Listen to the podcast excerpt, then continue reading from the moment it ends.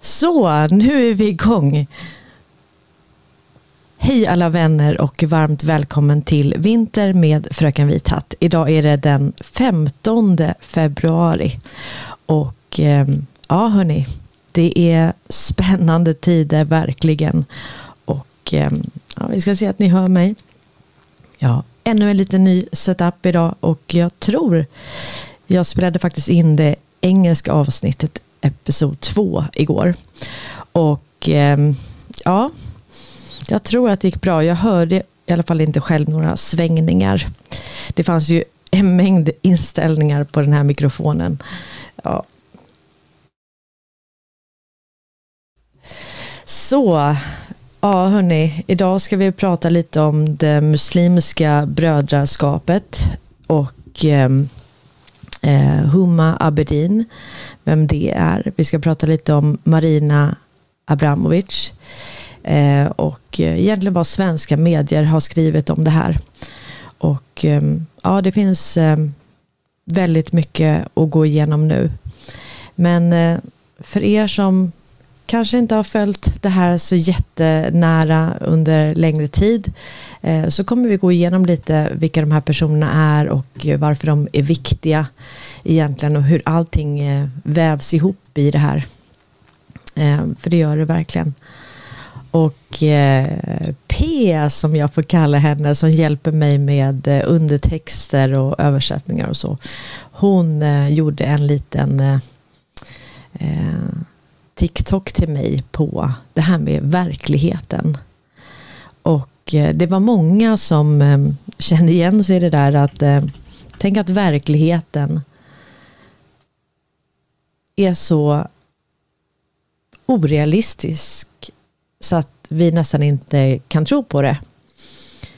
Och då tänker jag, vad är det egentligen som är realistiskt?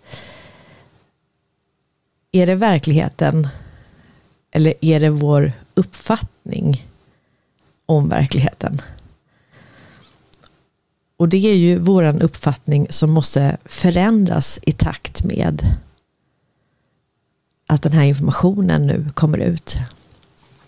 Och Det är det här som gör att vi hamnar längre och längre ifrån varandra. För de som inte har påbörjat kanske ens den här resan att eh, förstå saker. Men jag tror att de har fått med sig så mycket. Så när de väl förstår så kommer det gå väldigt, väldigt fort. Och den känslan jag tror att man kommer få då det är att men oj, har det funnits så här många som har grävt i det här så länge och jag har inte förstått någonting. Så hade i alla fall jag tänkt. Ehm, men ehm, ja, Så det blir ju som parallella universum som vi pratar om. Och eh, tänk när verkligheten låter som en vidlyftig konspirationsteori. Det är där vi är nu. Och det, det är helt... Det är inget lätt jobb vi har framför oss alltså. Och eh, det var någon som skrev till mig att hur ska jag kunna beskriva verkligheten när verkligheten är så komplex? Ja, det finns inget svar på det. Men om jag skulle beskriva till exempel det finansiella systemet så skulle folk bara, nej, det där, det där tror jag inte på, att det har funkat så. Alltså då hade någon sagt något. Alltså helt garanterat. Du kan inte ha privata företagsintressen som bara kan trycka luft och ingenting. Och sen måste befolkningen lämna tillbaka någonting som de inte hade från början till banken. Nej, men så kan det inte vara.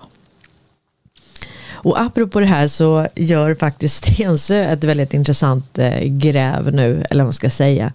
Han eh, vill bygga en mikrostad under Södermalm. För han tycker det är jobbigt med eh, ja, vägtullar och sånt där. Så att han ska ha sin egen lilla stad eh, i två plan.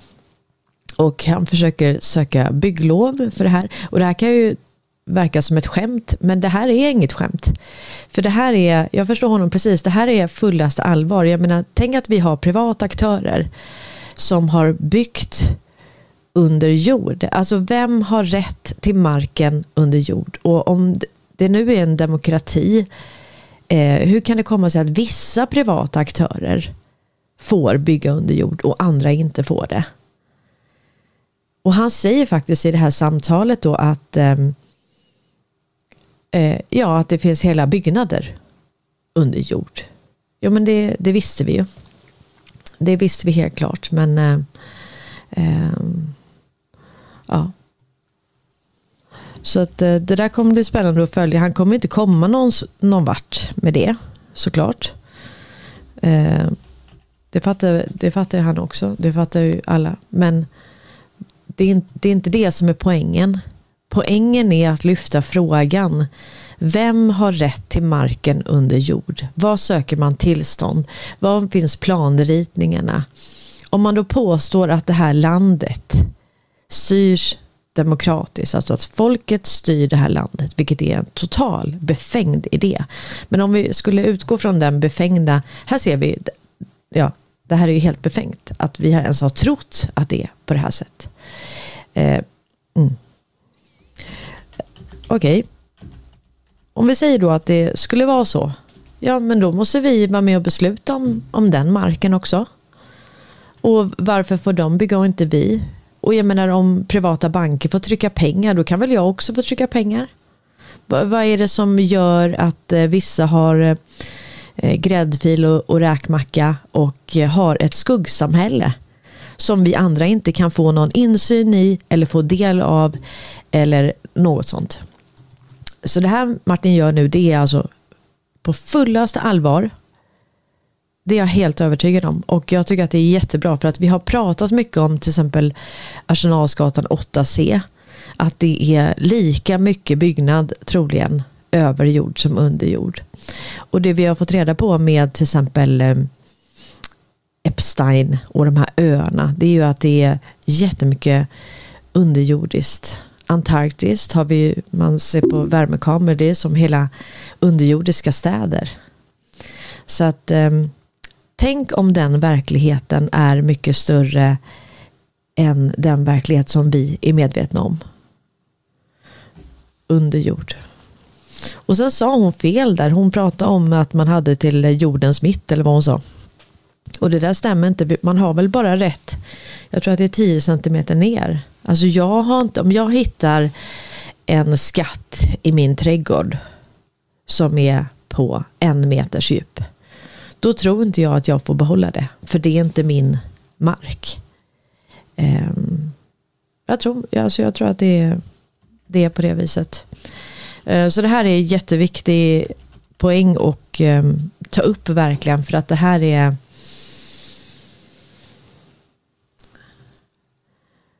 Och vad var det hon sa? Att det såg ut som en, sa hon skivost? Eller vad var det hon sa där under jord? Um.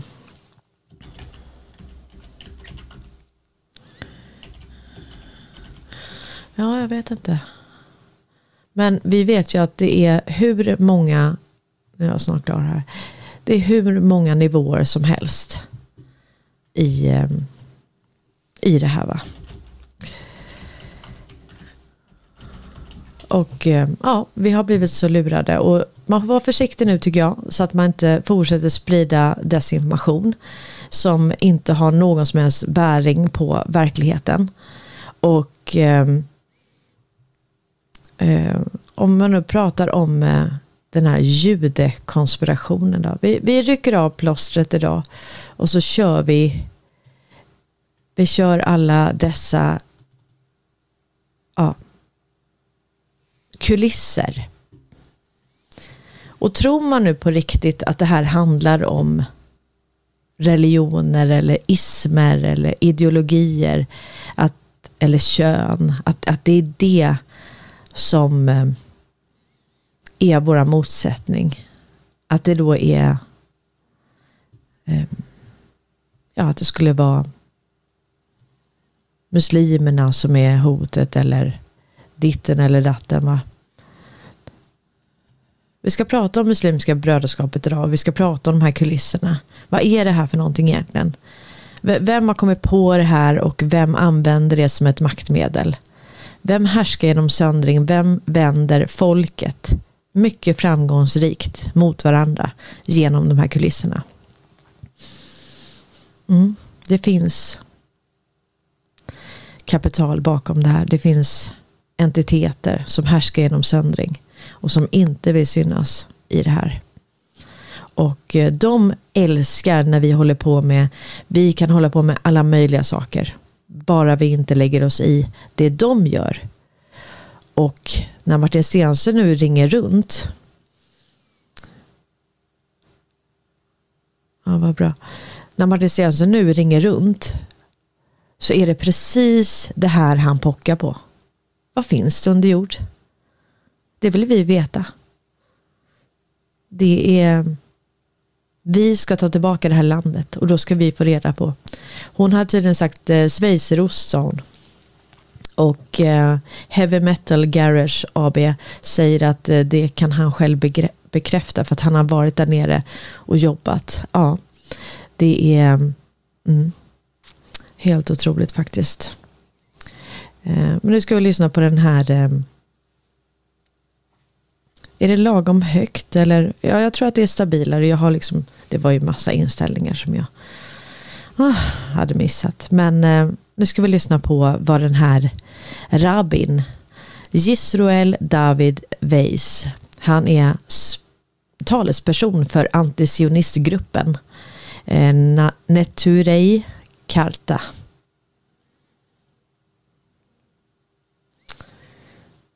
Då ska vi se. Nu får se om det är lagom högt. Mass slaughter in, in Gaza has nothing to do with the conflict between religions, between Judaism and Islam. We have been living together as Jews and Muslims for literally hundreds of years. Thousands of years we've been living together with our people. You can see how we live together. It's only an introduction of a political movement called Zionism, and it's using the name of Judaism to declare war on the people of Palestine, to, to declare and vilify the people of Palestine that they're anti Semites, anti Jews. That's totally repugnant and false. We cannot be silent. We're Jews. Because we're Jews, we have to stand up and say, this is not true. It's not in our name. We totally object to this. We cry and hurt with the people of Gaza and Palestine. This is not a religious state. It's not a Jewish state. They're using the name Israel. They're masquerading in the Star of David in the name Israel. This is a criminal entity.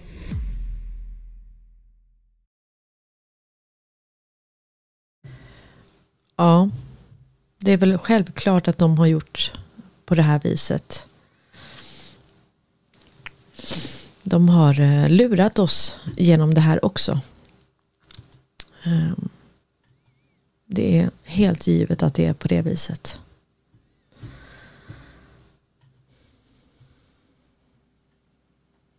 Nu fick jag feedback här att det var lite mycket kompressor så att jag eh, jag vet faktiskt inte hur man ändrar det. Ingen aning. Absolut ingen aning. Men det här är en kuliss vänner. Verkligen. Och eh, jag. jag sänkte lite nu. Det här är då väldigt intressant. Det här är det som de har på sig, de här nazisterna i ehm, eh, 14 Waffen-Grändare Division of SS, alltså nazisterna, hade det här. Och eh, det ser ut som det göteborgska eh, statsvapnet. Jag vet inte om det har förändrats över tid men det är, det är i alla fall tre stjärnor på och eh, det är väldigt, väldigt likt i alla fall. Sen tror jag det här finns i, i olika utformningar såklart. Men eh, vi vet ju att Ukraina har ju varit svenskt och vi vet att nazismen kommer från Sverige. Så det här är ju inte så konstigt. Men allt det här måste rensas upp. Är det. Och eh, alltså de, de döljer inte. De döljer inte ens. De vet att de kommer få sina pengar. Då skriver Mona Lisa på X så här. Vilka var det som skrek inga nassar på våra gator? Konstigt hur de snabbt har blivit rumsrena både hos högern och vänstern. Och här är då en ukrainsk soldat. Och eh, de vet att de kommer få sina 50 miljarder euro från EU ändå. Det spelar ingen roll att det är nazister. För det är ju en konspirationsteori, det vet vi ju. Så när eh, Putin säger att han ska... Eh, ja, ni ser ju inte. När Putin säger att han ska avnazifiera nazifiera Ukraina så är det precis det här han menar. De döljer det inte ens. Och eh, här har vi det här eh, symbolen som eh, man hade i Tyskland, nazisterna. Och eh, det är både då Tyskland och eh, Ukrainian National Committee som använder den här symbolen. Och det ser ut som eh, Göteborgs stadsvapen. Så att eh, vi har lite att jobba med hörni. Och eh, det som kommer upp nu med Humma Aberdeen det är ju precis med eh, det muslimska brödraskapet. Eh, det är det som kommer upp här. Och ehm, jag ska visa lite. Och här har vi då Hillary Clinton. Jag tänkte jag ska läsa en... Eh, nu har vi då sett att Huma Hum Amberdin, hon har syns igen nu. Och hon dejtar då eh, George Soros son Alex Soros. Så att eh, de har synts nu på alla hjärtans dag häromdagen då. Nu ska vi se.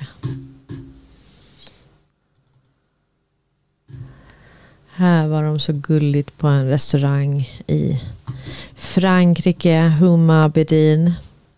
Och um, då står det Hillary's cleaner is now dating Hillary's bank account.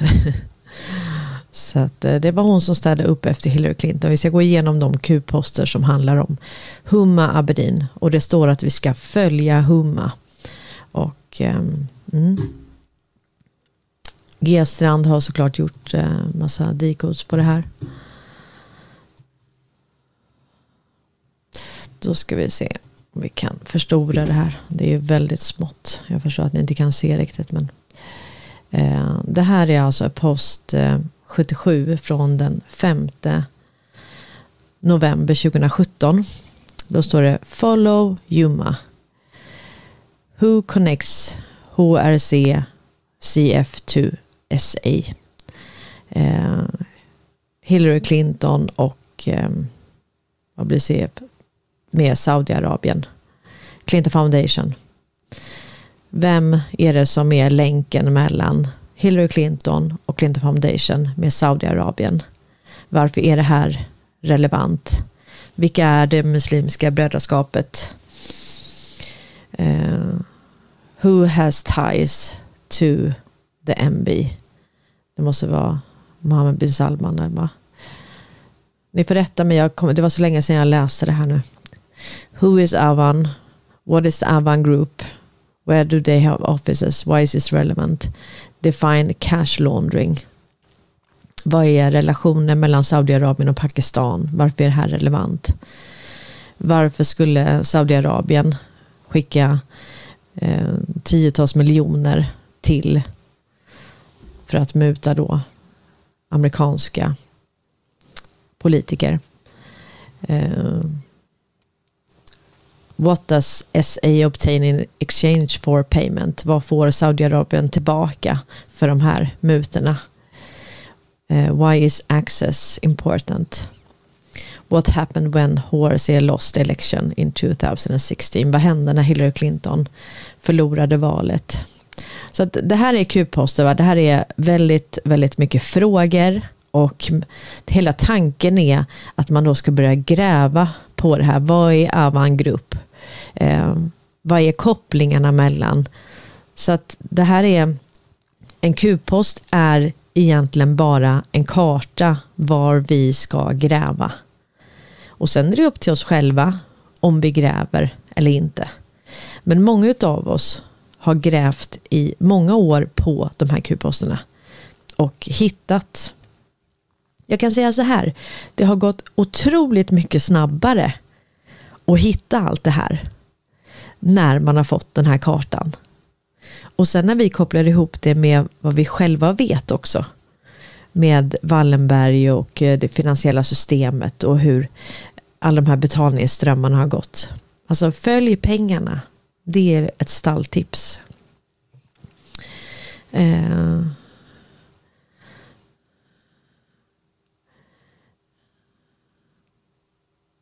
Och eh, ja. Och ni ser, det är vad har det här att göra med Isis? Vad har det här att göra med slaskfonder? Varför är Saudiarabien så otroligt vitalt eh, viktigt? Följ pengarna. Vilka har pengarna? Vad händer i Saudiarabien idag? Varför är det här relevant?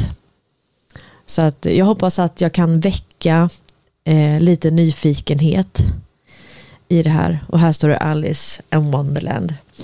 Och vi vet ju också att eh, det finns en referens till eh, Knut och Alice Wallenbergs stiftelse.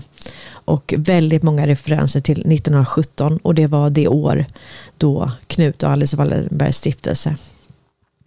Och eh, vi vet ju då om eh, friskolorna, vi vet om vapenaffärer, vi vet att Wallenberg och eh, politikerna har varit både och tränat ehm, och ehm, alltså tränat dem i ehm, mm,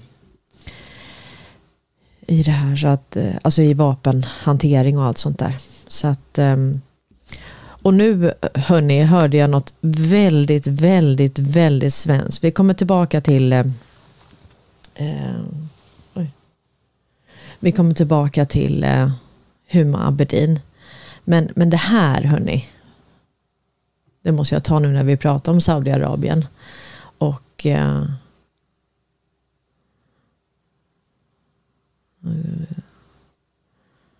Här har vi alltså en Saab-medarbetare som eh, ja, Saab har ju fått sånt uppsving. Det går ju så bra för Saab.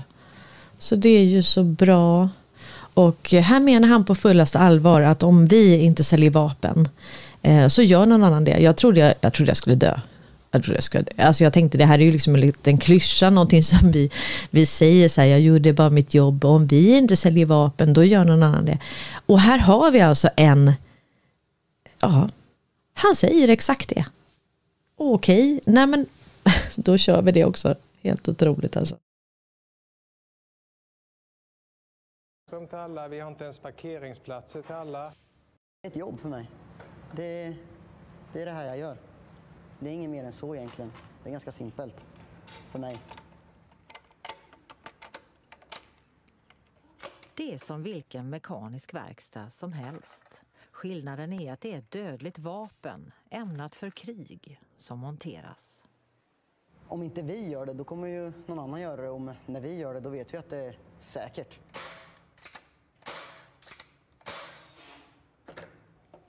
Har du skjutit med en sån här?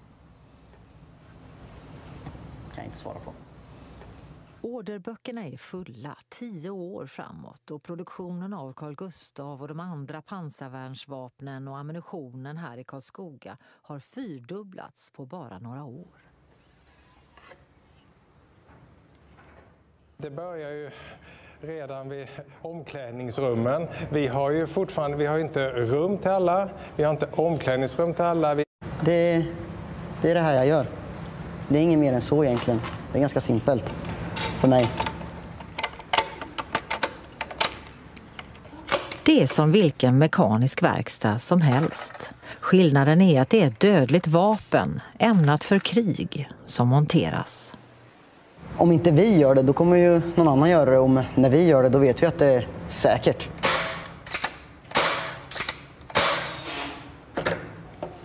Har du skjutit med en sån här? Kan jag inte svara på. Orderböckerna är fulla tio år framåt och produktionen av Carl Gustaf och de andra pansarvärnsvapnen och ammunitionen här i Karlskoga har fyrdubblats på bara några år. Det börjar ju redan vid omklädningsrummen. Vi har ju fortfarande, vi har inte rum till alla, vi har inte omklädningsrum till alla, vi har inte ens parkeringsplatser till alla. Ett jobb för mig. Det, det är det här jag gör. Så det var en som tipsade mig om att vända, i och med att jag tittar hitåt så ser det bättre ut.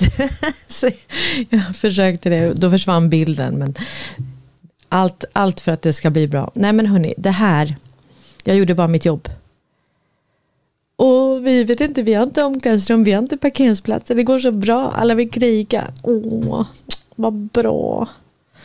Och det, det är tur att det är en svensk som ser till att det blir säkert. Så att de här vapnen säkert dödar människor. För om det hade varit något annat land som hade gjort de här vapnen, ja, USA eller vilket som helst, det är inte ens säkert att de hade dött. Hur är det nu med som eh, han säger med, med trampminan, Lilla Skutt och eh, eh, ett, vad heter den, Bamse va? Ja, det är han Johan Glans, han gör en sån parodi på det där. Och det är, mm, det är helt, helt galet faktiskt. Och eh, jag vet att man säger Umma eller Umma, men vi säger Humma Abedi nu för att eh, det blir stumt H. Men det blir svårt att googla på Juma Abedin. Eh, så att jag säger Huma. Och här ser vi då att hon har eh,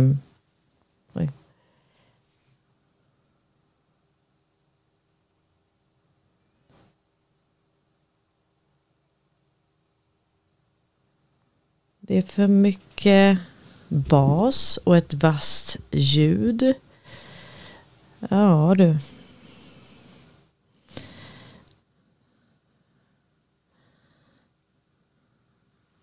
Det är helt omöjligt det här.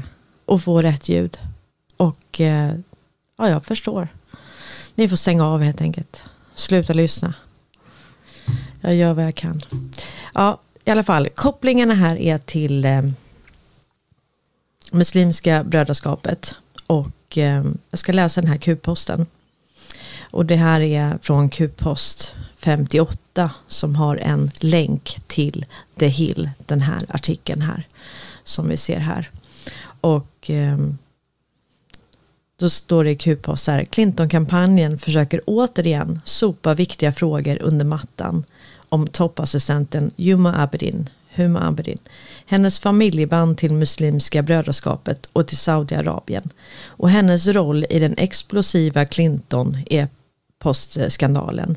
Hennes mamma, Saleha Abedin, sitter i ordförandeskapets personalråd för International Islamic Council för Dawa and Relief, en grupp som leds av ledaren för Muslimska brödraskapet. Så hon jobbade alltså med Clinton-kampanjen, den här, och hade de här kopplingarna. Um, en grupp som leds av Muslimska brödraskapet, Sheikh Yusuf al-Karadawi. För att inse hur stötande sådana band kommer att vara för den väljare som är oroad över framtida terroristattacker mot detta land av radikala muslimer som bekänner sig till sharia-lagstiftningen försökte Clinton-kampanjen på måndagen att tona ned Abedins eh, engagemang i eh, Journal och muslimska eh, brödraskapet. Clintons surrogatgrupp Media Matters hävdade förutsägbart att det inte fanns några bevis för att Abrin och hennes familj hade band till Muslimska brödraskapet och att Trump-kampanjanställda som talade om dessa band var konspirationsteoretiker. Och det är ju så man alltid gör.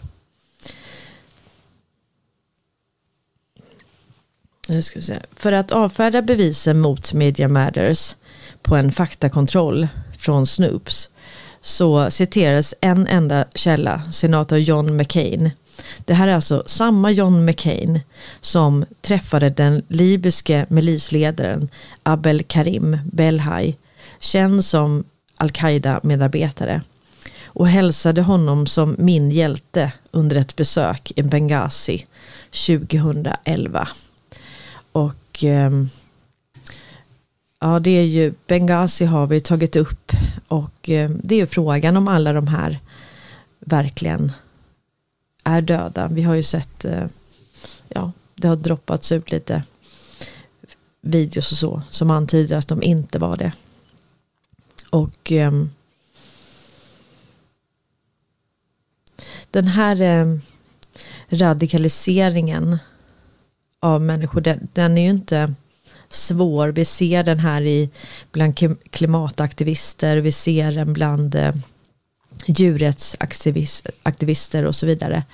Det, det är samma, samma, samma hela tiden. Och eh, nu har ju Gunnar Strömmer i Sverige beslutat att man inte får begå den typen av brott i namnet klimatet, utan det är fortfarande terrorism. Och sen har vi, när vi pratar om Al-Qaida, så vet vi att eh, Wallenberg och Eriksson sålde ju koordinaterna till amerikanska soldater till Al-Qaida. Och att man har eh, då tydligen sponsrat och eh, tränat Isis. Sponsrat dem i 17 år. Och eh, det här är då det handlade ju om att få ut eh, Sovjetunionen ur Afghanistan. Och och, och då skapade man då en milisgrupp i Afghanistan. Och sen har man då eh, Sen har det här fått eget liv kan man säga. Och sen försöker man då kasta dem under bussen. Och säga att åh, de är hemska terrorister. När det är de här entiteterna själva. Alltså Hillary Clinton och eh, Eriksson Wallenberg och dem. Det är de som har tränat de här. Så de har skapat livsfarliga vapen. Och sen så, så fort det passar dem så kastar de dem under bussen. Det är liksom så det funkar. Och om vi tittar i Sverige så har ju Socialdemokraterna, de har ju verkligen använt och försökt locka till sig väljare. Och knutit avtal också med Muslimska brödraskapet. Så att eh, det blir sån dubbelmoral va. Å ena sidan så vill man ha dem, man skapar dem, man finansierar dem. Och sen så fort det passar en så kastar man dem bakom bussen. Eller framför bussen. Så säger man. Det kan vara så att ni som har dåligt ljud, ni kan ju kanske gå ur liven och sen gå in igen. För det är väldigt många som har bra ljud och eh, det var någon som var arg och skrev att varför säger ni att det, att det är bra ljud? Men några kanske upplever att det är bra ljud och därför skriver man så. Och sen kanske andra upplever att de inte har bra ljud och då eh, eh, Ja, precis. Då har man inte bra ljud helt enkelt. Nu ska vi se.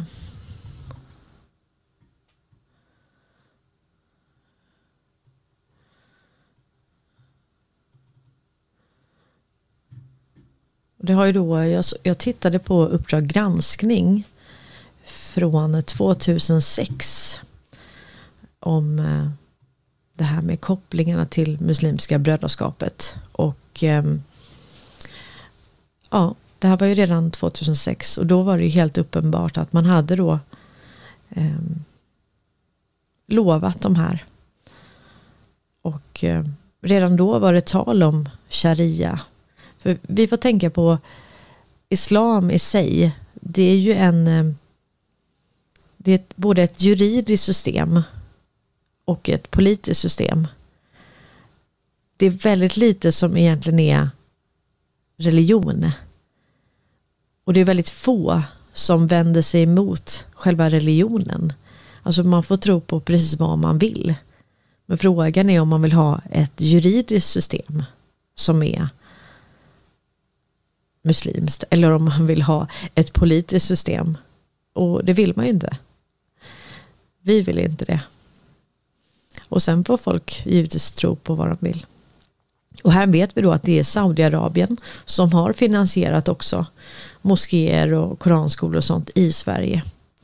Så att ehm, det, det finns starka kopplingar och jag är helt säker på att det är många av er som har grävt i det här och eh, kan väldigt mycket om, om det här. Då. Ehm, så att ehm, jag hittade en, ett inlägg på Facebook.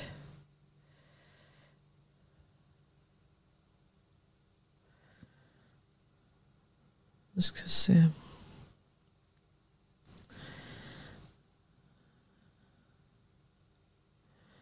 Det är Jack Nilsson som skrev ett inlägg eh, 2020.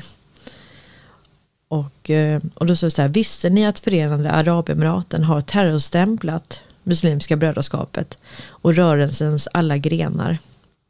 Med på deras lista fanns Islamiska förbundet i Sverige och Islamic Relief med stöd från Sida. Det är inte klokt.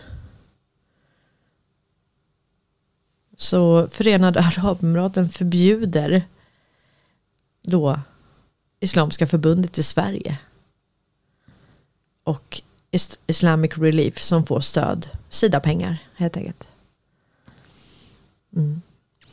Regeringar i Bayran, Egypten, Ryssland, Syrien, Saudiarabien och Österrike har också förbjudit det här.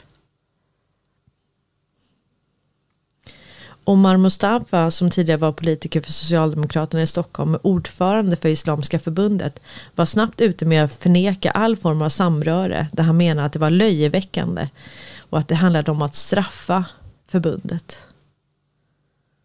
Ja. Gång efter andra förnekades det fram, fram till att det började dyka upp bilder på Omar tillsammans med Muslimska brödraskapets ledare Mahmoud Esat under en föreläsning i Stockholms moské. En föreläsning finansierad av skattebetalare.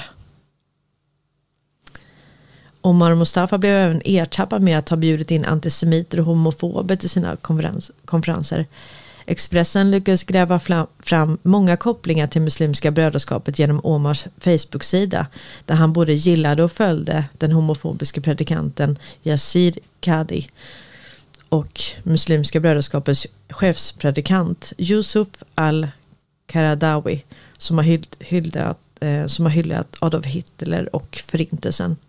Även Egyptens president Mohammad Mursi var en medlem i Muslimska brödraskapet. Deras nöjessätt Equan Cinema där han har twittrat till Brödraskapets försvar. Men det stannar inte där. Svenska kyrkan med ärkebiskop Antje Jäkelen i spetsen har inlett ett samarbete med Islamic Relief.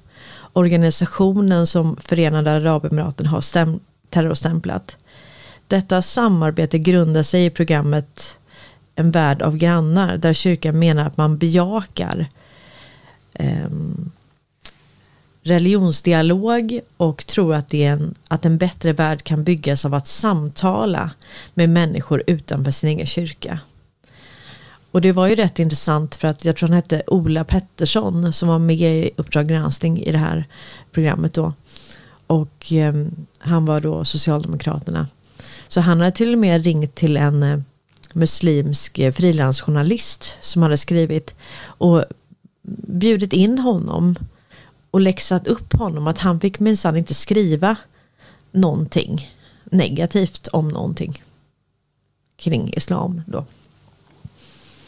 Så att eh, och han var till och med kristna. Han var med i den här kristna för eh, kristna socialdemokrater. Och de tyckte att det var, man fick inte kritisera islam. Nej. Och eh, Lustigt nog förnekar kyrkan samarbetet med islamisterna samtidigt som de försvarar tre av brödraskapets organisationer på deras hemsida. Socialdemokraterna allierade sig med islamisterna på mitten av 90-talet för att behålla makten. röstfiske, en möjlig muslimsk rekryteringsbas då man då höll på att förlora sina egna väljare. Miljöpartiet, Moderaterna och Centerpartiet var också infiltrerade. Idag finns allt kartlagt i minsta detalj med organisatoriska och ideologiska såväl som personkopplingar. Brödraskapet har 15 olika organisationer, föreningar i Sverige med associering såväl som fasta relationer. Um.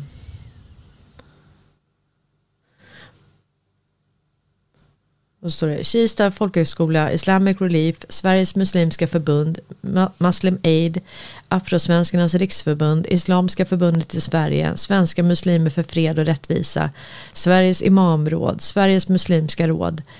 Ehm, ja, det är massa här.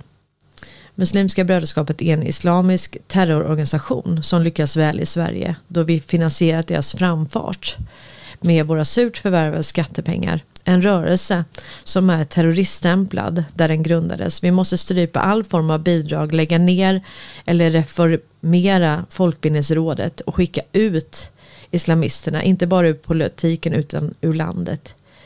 Ehm, och det här är ju också Folkbildningsrådet. Mm. vad är det de sysslar med egentligen? Och jag betonar igen att det här handlar inte om själva religionen. Man får tro på islam, man får tro på vad man vill. Men det är en helt annan sak mot en terrororganisation som begår terror, terrorbrott. Det accepterar vi inte. Vi accepterar inte heller en politisk ideologi eller en, eh, ett juridiskt system.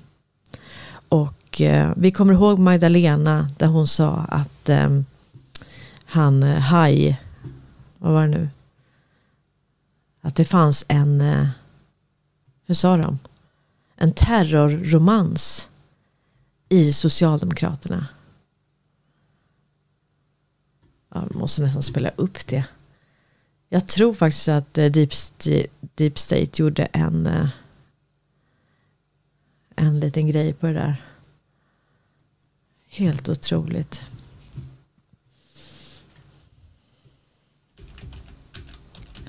Vad heter det? Terrorromans i social... Se om vi får den. Nu ska det här... Va? Terror...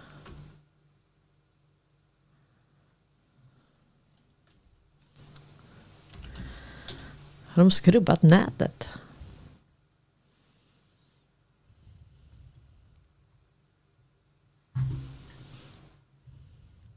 Jag hittar det här.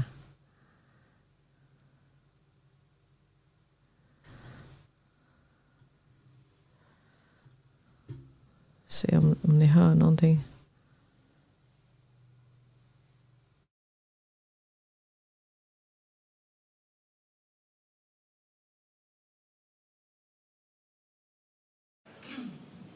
Var där och deltog. Många har vittnat om att det var ett arrangemang med Hamas-företrädare och att den person som Magdalena Andersson personligen säger har vigt sitt liv åt att bekämpa Hamas var där och deltog. Är inte det en ganska uppseendeväckande uppgift? Det är väl en sak att säga att man inte tycker att det är bra. En sak att ifrågasätta, att garantera att det här är en del i en livslång kamp. Min bestämda känsla är denna. Det finns en terrorromantik i vissa S-kretsar som borde besvära S-ledaren. Ulf Kristersson, herr talman, Ulf Kristersson, anklagar du Jamal Hamas för att vara en terrorromantiker?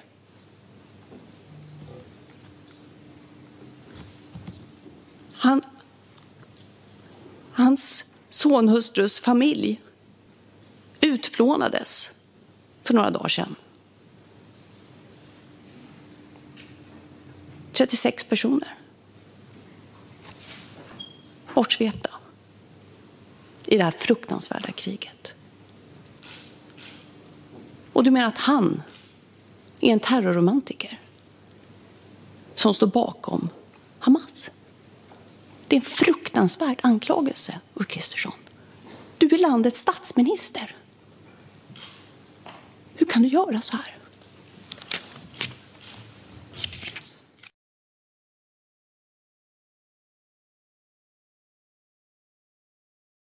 Den här filmen, som sägs vara från Kupianskfronten, visar hur ukrainska...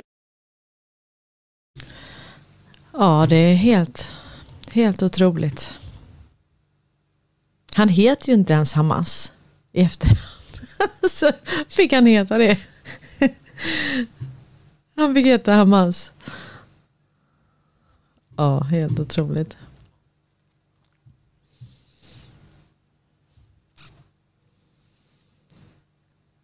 Tänk vad de har gjort.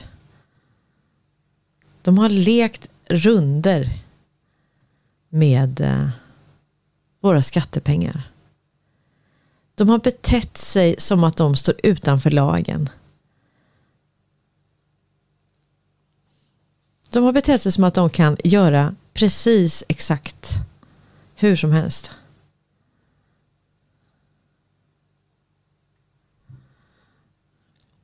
Här hittar jag en annan grej som från Karl Norberg. Eh, där han hänvisar till Muslimska brödraskapet också.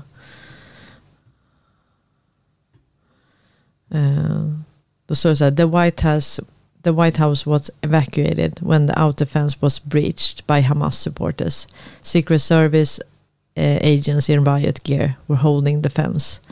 So the insurgents could not reach the White House. Och, så de försökte då storma Capitol, eller ja, Vita huset och det här staketet då. Och det här är då Hamas. Så att det här sitter ihop hörni. Och eh, när då Vikt, eh, Viktor Orban, här på säga, men ehm, Turkiet, vad heter han nu? Ja, när han, eh, han säger i alla fall att ehm, Sverige är en inkubator för terrorism. Erdogan heter han ju såklart. Så att Erdogan säger det. Och ni vet att eh, Telia var ju där. Och eh, det var ett försök till coup i Turkiet 2016. Man försökte göra en kupp, en statskupp och eh, ta bort Erdogan. Men det avvärjdes och eh, kort efter det, eller efter det i alla fall, så fick Telia fly hals över huvudet och de förlorade ja, jag tror att det var 10 miljarder. De förlorade extremt mycket på att bara lägga benen på ryggen. Men de hade inget val. Och om vi pratar om den här korruptionsdomen eh, mot Telia 2017 så var det ju så att då eh, ägde Turkcell, de var också delägare i de här uppläggen. Så de var med i det här upplägget med att dränera statskassor. Och då tror inte jag, alltså det här var ju privata företag i Turkiet och vi har ju Wallenturken som ehm, utvandrade, han blev, han blev turk helt enkelt, en Wallenbergare som blev turk. Så att, ehm, och ehm, Erdogan pratar ju om den djupa staten och Darin Devlet, Darin Devlet. Så att eh, de är mycket väl medvetna om vad det här är för någonting. Och eh, det är lite skrämmande att alla de här andra länderna, Förenade Arabemiraten, eh, vilka var det mer? Eh, Bayran, Egypten, Ryssland, Syrien, Saudiarabien och Österrike har alla förbjudit det här. Och här har vi Magdalena som står och försvarar Hamas. Det blir ju det i praktiken. Och sen har vi PKK. Så det här är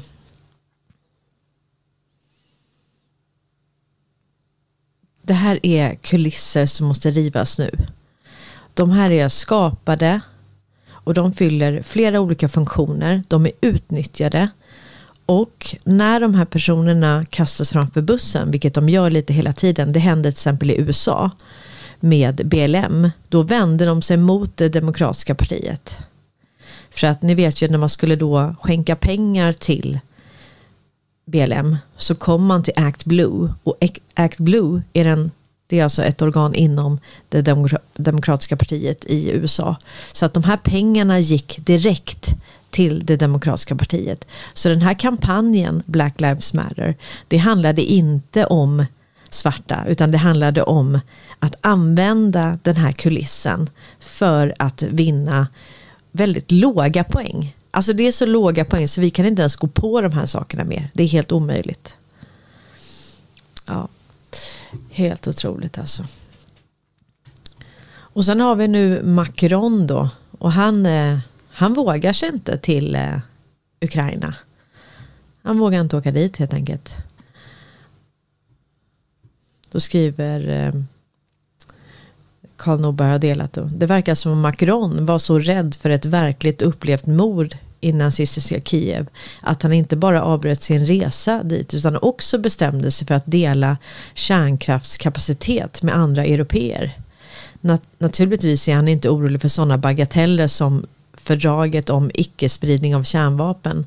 Den franska tuppen ställer sig först och främst i uppgift att vara den första eh, och gala högt och därigenom fånga hela det europeiska hönshusets uppmärksamhet.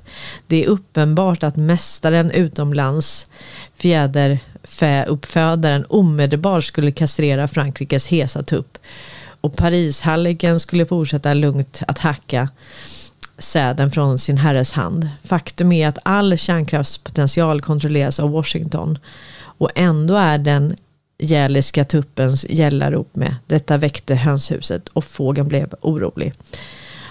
Det är Dimitri Medeve som skriver det här. Och eh, mm, han ställde in sin resa Macron. Han vågade inte åka dit. Och han kanske var rädd då att bli mördad av nazisterna.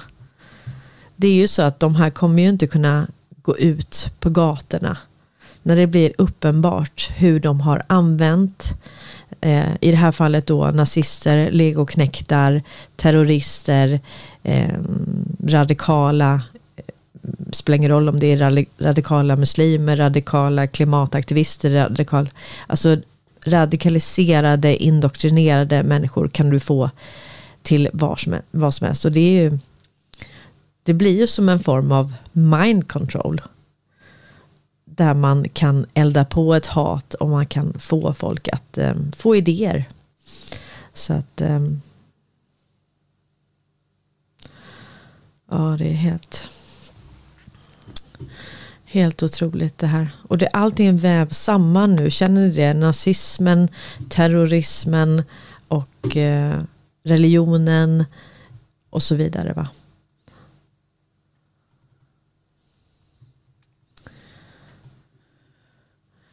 Och här är en Q-post.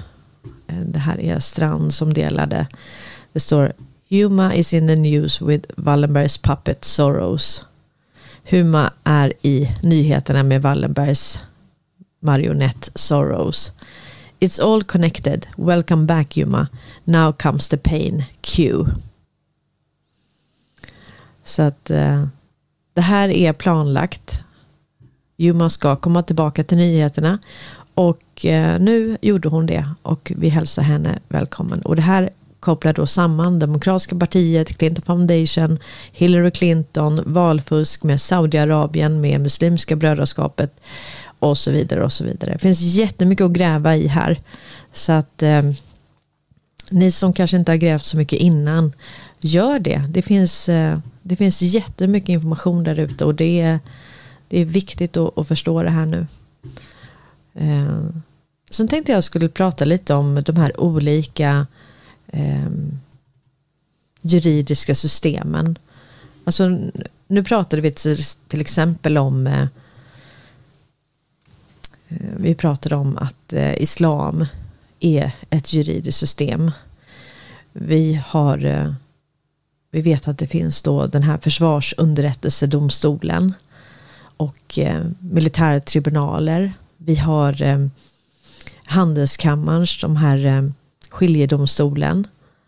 och sen har vi det vanliga rättssystemet. Så att det känns som att det är flera parallella rättssystem som har löpt.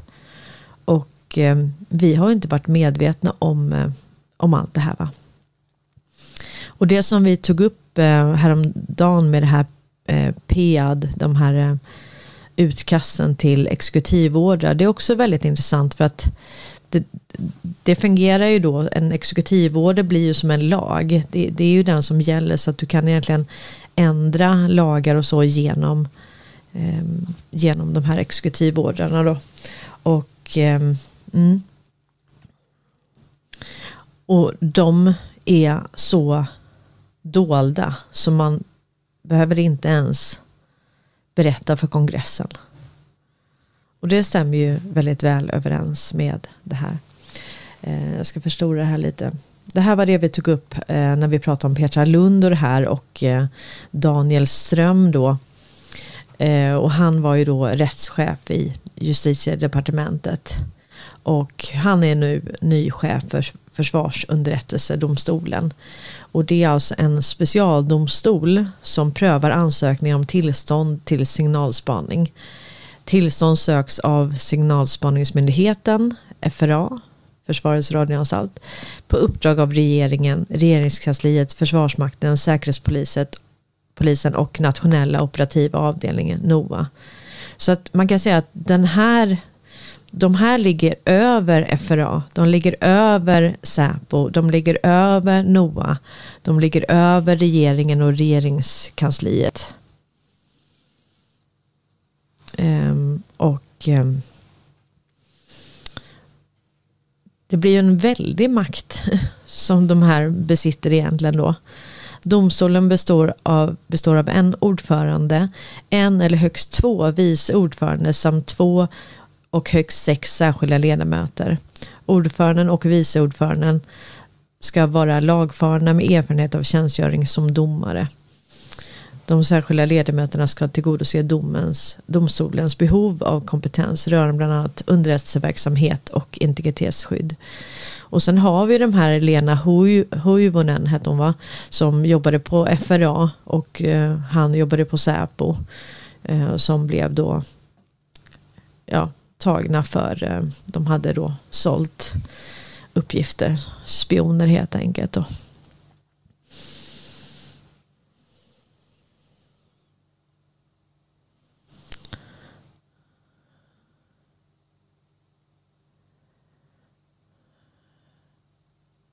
Oj.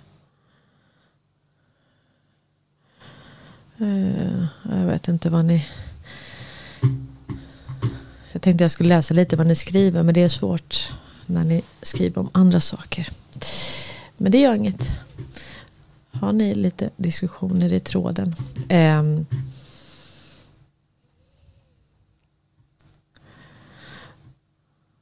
och sen har vi då Tesla som flyttar från New Sweden.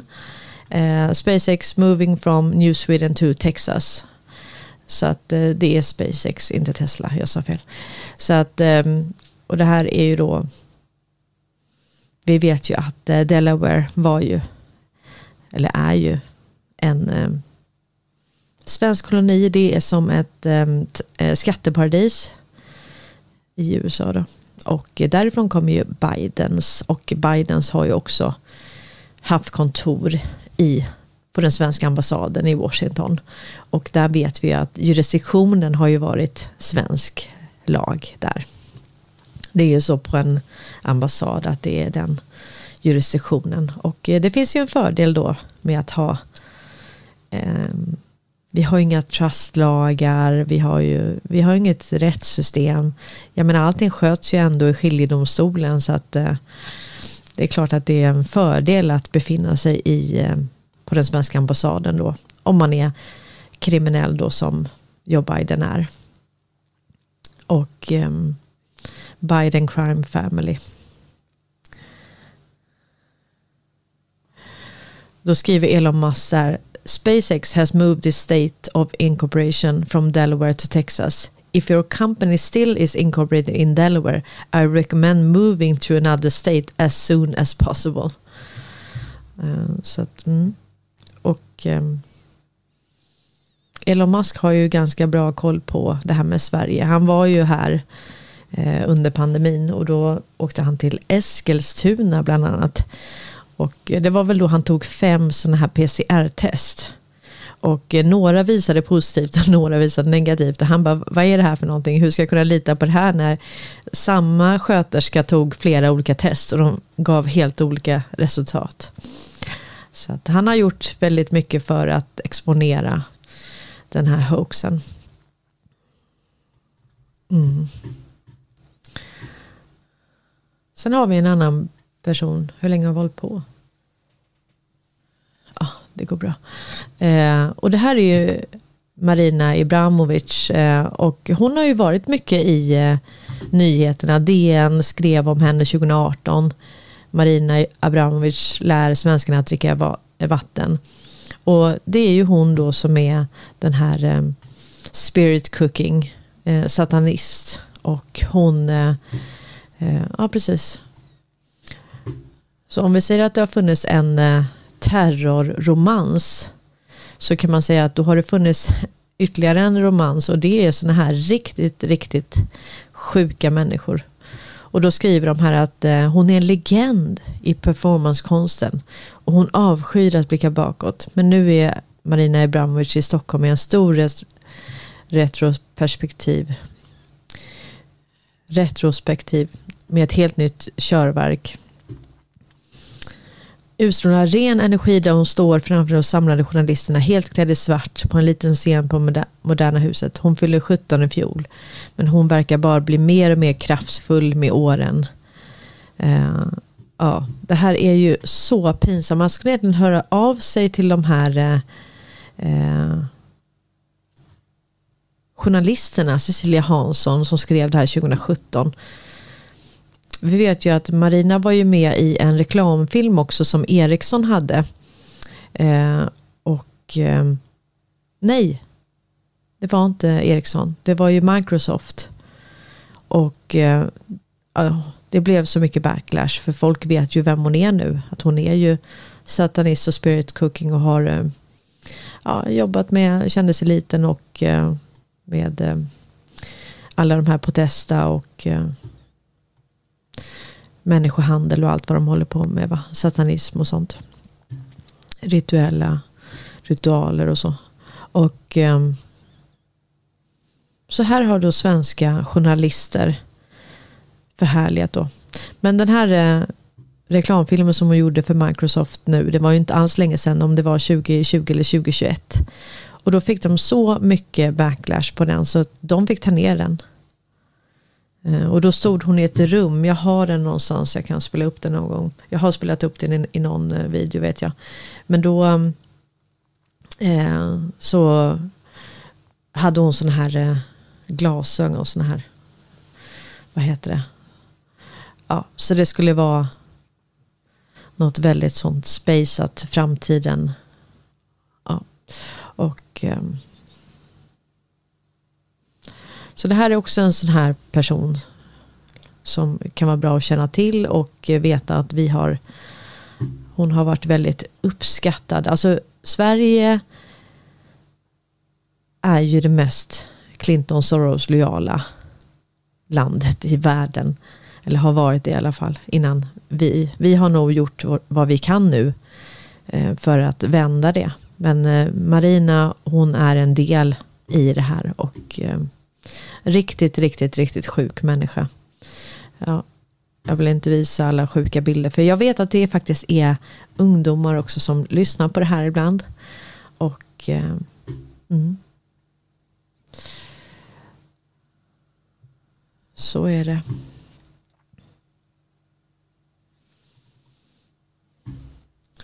Och sen skriver Cozy Pepper så här att eh, gaslighting blev utsatt utsedd till Årets ord 2022. Eh, gaslighting är Årets ord. Om svensken undrar varför ingenting av det de tror sig stämma faktiskt stämmer så kan svensken fundera på varför gaslighting blev Årets ord 2022. Ja, det är så. verkligheten överträffar dikten och eh, vi har svårt att ens bara kunna försöka förklara det här för folk. Och var ska de börja liksom? Det börjar bli sånt jag, har ju pratat i flera år i finansbranschen om det här med informationsövertag och kompetensövertag och hur man har använt det liksom för att lura kunder och så vidare. Eh, och jag menar efter flera år av grävande i det här så, så börjar det bli en klyfta. Så att man kan säga det, det finns, det är ju bara att börja gräva i vad Karl Norberg har gjort de senaste 20-25 åren och på hans blogg de sista 15 åren. Det finns ju hur, hur mycket information som helst. Så att är det något uttryck, någon person, någonting som ni känner så här, eh, vad innebär det här eller så, gå in på karlnorberg.se och bara sök. Jag lovar, ni får träffar på allt. Sök på Juma Aberdeen så får ni upp hur mycket träffar som helst. Sök på Marina Abramovic så får ni upp hur mycket träffar som helst på det och kan börja sätta er in i de här personerna då.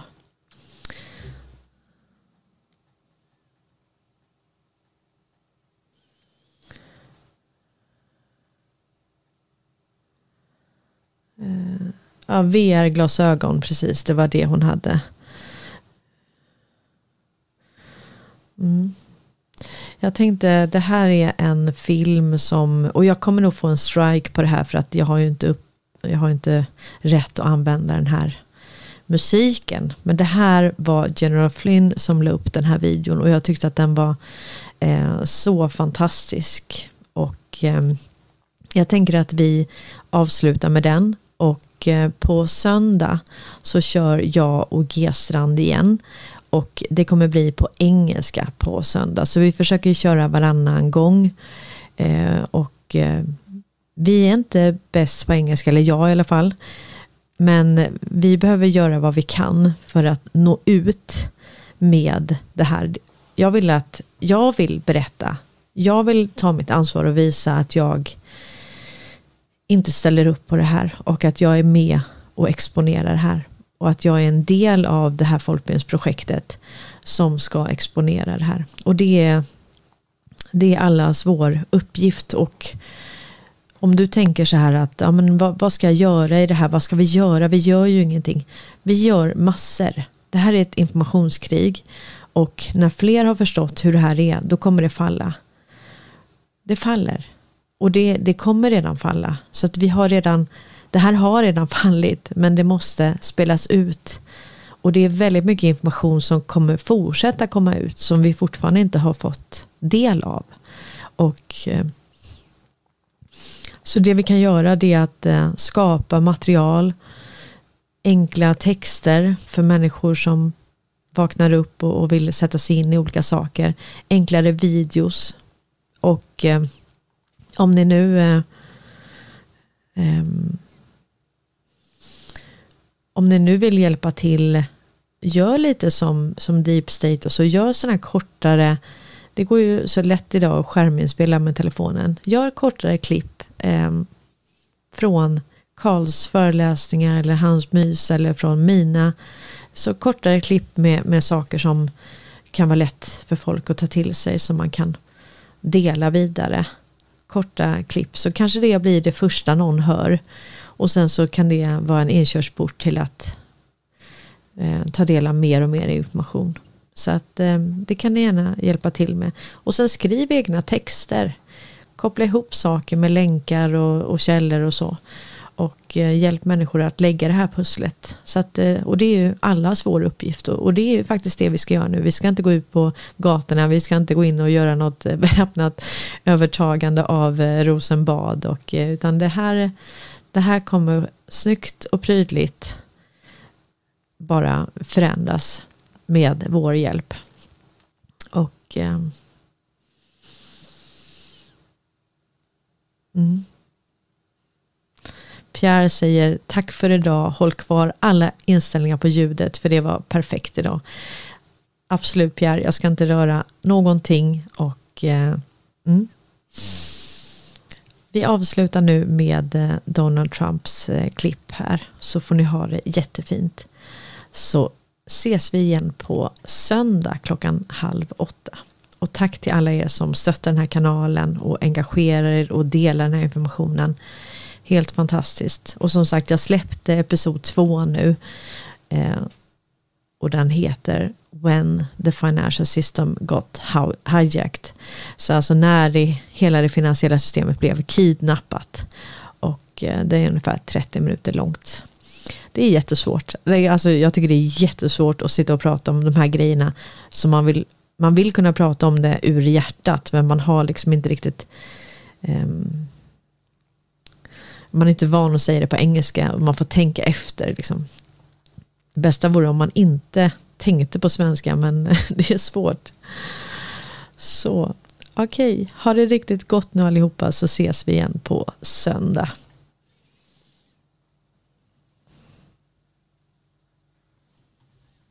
Yet to come.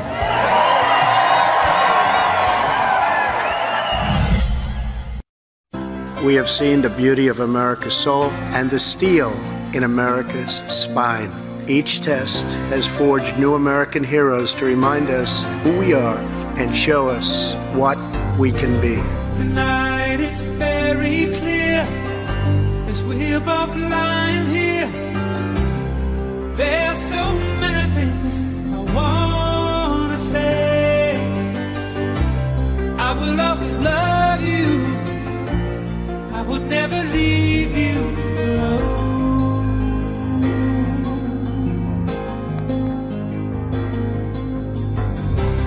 Sometimes I just forget, say things I might regret. It breaks my heart to see you crying. I don't wanna lose you. I could never make it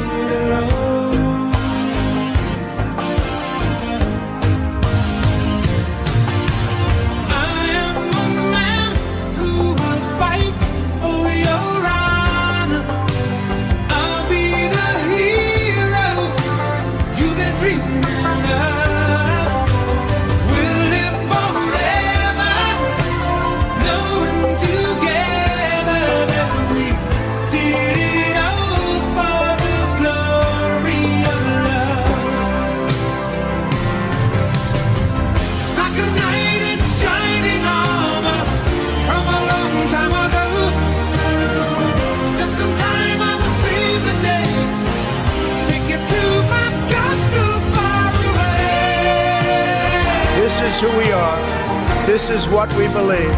And these are the values that will guide us as we strive to build an even better and greater